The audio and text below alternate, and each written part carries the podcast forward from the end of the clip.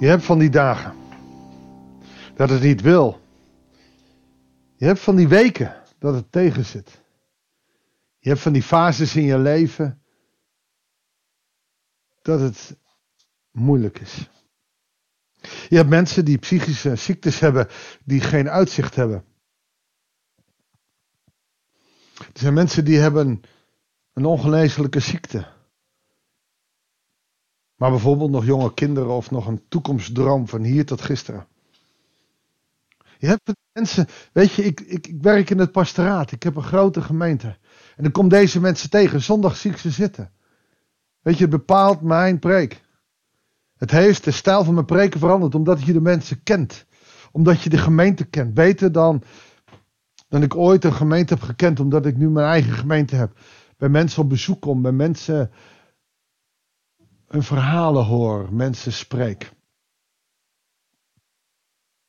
Ik hoor de schreeuw van mensen. Waarom? Hoe lang? Wanneer? Een schreeuw waar ik in pastoraat geen antwoord op heb. Ik kan er mooie theologische dingen voor neerzeggen. En ik kan ook wel zeggen tegen mensen: ja, waarom jij niet en een ander wel? Nee, dat mag iemand zelf zeggen. Ik niet. En dan sta ik met mijn mond vol tanden. Maar er is één ding wat ik, wat ik absoluut boven water wil halen. Die noodkreet die mag, pastoraal gezien, die noodkreet die mag. Woede, boosheid, verdriet, teleurstelling naar God mag. Als dat niet zou mogen, zou je geloof niet vol kunnen houden. Voor vandaag stond Psalm 119, een aantal versen erop. Maar de eerste 25 versen hebben we al overgeslagen. En zondag staat er een andere psalm, psalm 13. En die heb ik genomen. Psalm 13. Die gaan we vandaag lezen. Goeiedag, hartelijk welkom bij een nieuwe uitzending van het Bijbelsdagboek. Voor de koorleider. David had hij in de tempel had hij koorleiders, voorzangers, priesters, levieten. De koorleider die had de muziek, die had de woorden. Het was de zangleider van de tegenwoordige combo's. Een psalm van David. Hoe lang nog, Heer, zult u mij vergeten? Hoe lang nog verbergt u voor mij uw gelaat? Hoe lang nog wordt mijn ziel gekweld door zorgen en mijn hart door het verdriet overstelpt? Dag aan dag. Hoe lang nog houdt mijn vijand de overhand? Dit is precies wat heel veel mensen beleven. Soms een dag, soms een moment, soms een leven lang. Ik ken mensen die niet van hun psychische problemen af zullen komen en deze vraag telkens weer hebben. Ik ken een, ik ken een persoon die, die al meer dan honderd operaties heeft gehad. Deze vraag stelt, maar vasthoudt aan het geloof. Maar wel deze vraag stelt. Lang nog, Heer, zult u mij vergeten. God vergeet niemand. Er zijn heel veel theologische redenen voor te bezinnen. Jij vergeet God. Jij kan door je tranen God niet meer zien. Jij kan door het geruis in je leven God niet meer horen. God vergeet jou niet.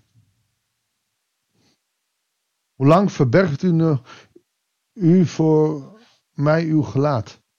Als je regelmatig in de kerk komt, ontvang je de zegen. De Heer zal, u, zal zijn aangezicht over u lichten Heer verheffen zijn aangezicht over u en geef u vrede. God strekt zich naar jou toe. Hij laat zijn gelaat zien. Maar door de tranen, door de wanhoop, door de zonde, door de wereld, kan jij hem niet zien. Denk jij dat God zich verbergt? God verbergt zich nooit. Hoe lang nog wordt mijn ziel gekweld door zorgen?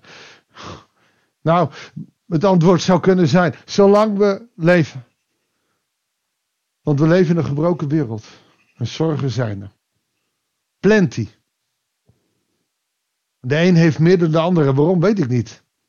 Het is niet eerlijk. Maar zorgen zijn er. Telkens weer. En ons hart wordt door verdriet oversteld, dag aan dag. En vijanden, nou, noem ziekte als kanker maar je vijand. Noem psychische stoornissen maar een vijand. Ze blijven als het ware staan. Hoezeer ik ook geloof, hoezeer ik ook bid, die vijanden blijven. Want we leven in een gebroken wereld.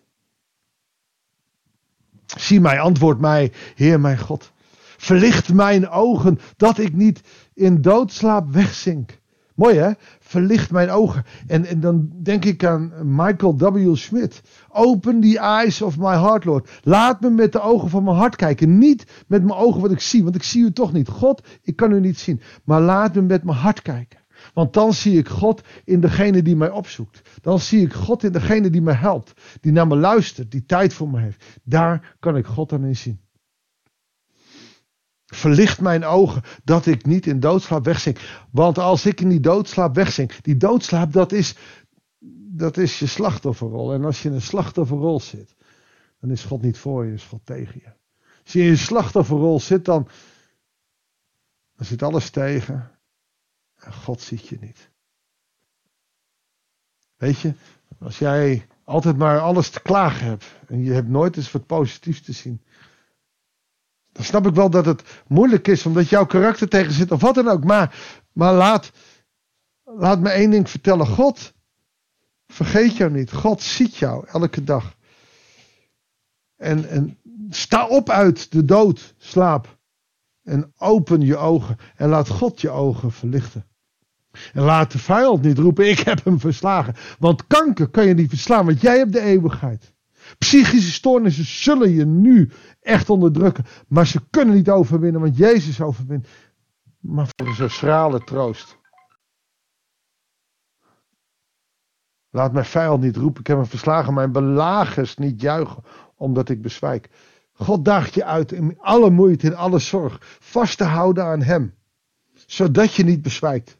Je zult de kracht ontvangen, hoe moeilijk het soms ook is. Maar hou vast, richt je oog op Hem. Hij strekt zich uit naar jou.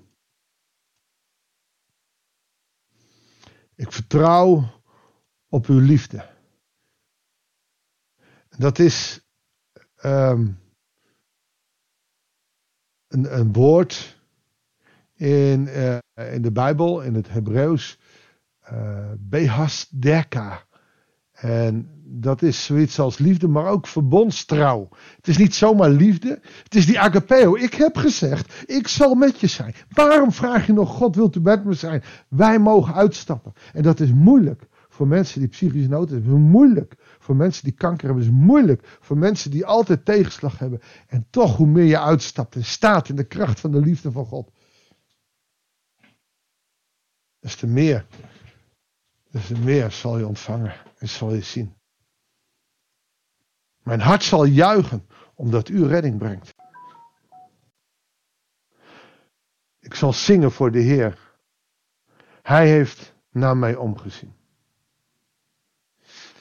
David, die ziet zijn ellende, die hoort zijn ellende. En die weet elke keer terug te komen. Hij heeft naar mij omgezien. Hij, hij ziet me heus wel. En, en mijn hart zal ik juichen. Dat kan ik nog niet hardop. Ik kan mijn handen de lucht nog niet in. Ik kan hem niet loven, maar ik zal juichen in mijn hart. Omdat ik weet dat hij redding bracht. Ik ken mensen die in psychische nood zijn en een einde aan hun leven willen hebben omdat ze rust krijgen. Toch weten dat God bij ze is. Dat is moeilijk hè? Je kan niet zomaar zeggen, ach, euthanasie mag niet. Je kan er nog zo op tegen zijn. Ken jij iemand die zo diep in de ellende zit? Ik ben er niet op voor, maar zomaar zeggen dat het niet kan, is makkelijk als het goed met je gaat. Als je kanker hebt en het leven niet meer ziet zitten. Hoe lang moet je in die lijden en die ellende doorgaan? Ik weet het niet. Maar af en toe moet jij andere mensen die daarin zitten Gunnen dat ze klagen. Gunnen dat ze uitroepen. Hoe lang nog zult u mij vergeten? Ik ga bidden voor iedereen die in die diepe zielennood is. Vader in de hemel. Heel veel mensen zijn er die betrokken zijn bij de podcast. De ene blij, de ander moeilijk. Ik wil nu bidden voor al die mensen die, die het uitschreeuwen. Die, die zielenpijn hebben. Die, die psychisch of lichamelijke aandoeningen hebben. Waardoor ze niet beter kunnen worden. Waardoor ze constant het idee hebben dat u ze verlaat. Dat u ze verlaten heeft. God, wees met hen. Zoals u beloofd heeft. Ik zal met je zijn alle dagen totdat ik terugkom. Laat het ze voelen, God. Door andere mensen, door de Bijbelteksten of door rechtstreeks ingrijpen van de Heilige Geest. Laat ze voelen dat wat er ook gebeurt, u erbij bent.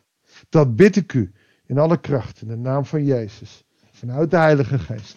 Om zo God de Vader, als schepper van hemel en aarde, maar ook als hersteller en genezer over al die mensen die het moeilijk hebben. Wees nabij. En daar waar genezing kan plaatsvinden, Heer, laat genezing plaatsvinden. Amen. Dankjewel voor het luisteren. Graag wens ik je God zegen, nabijheid en zijn shalom toe. En heel graag tot de volgende uitzending van het Bijbelsdagboek.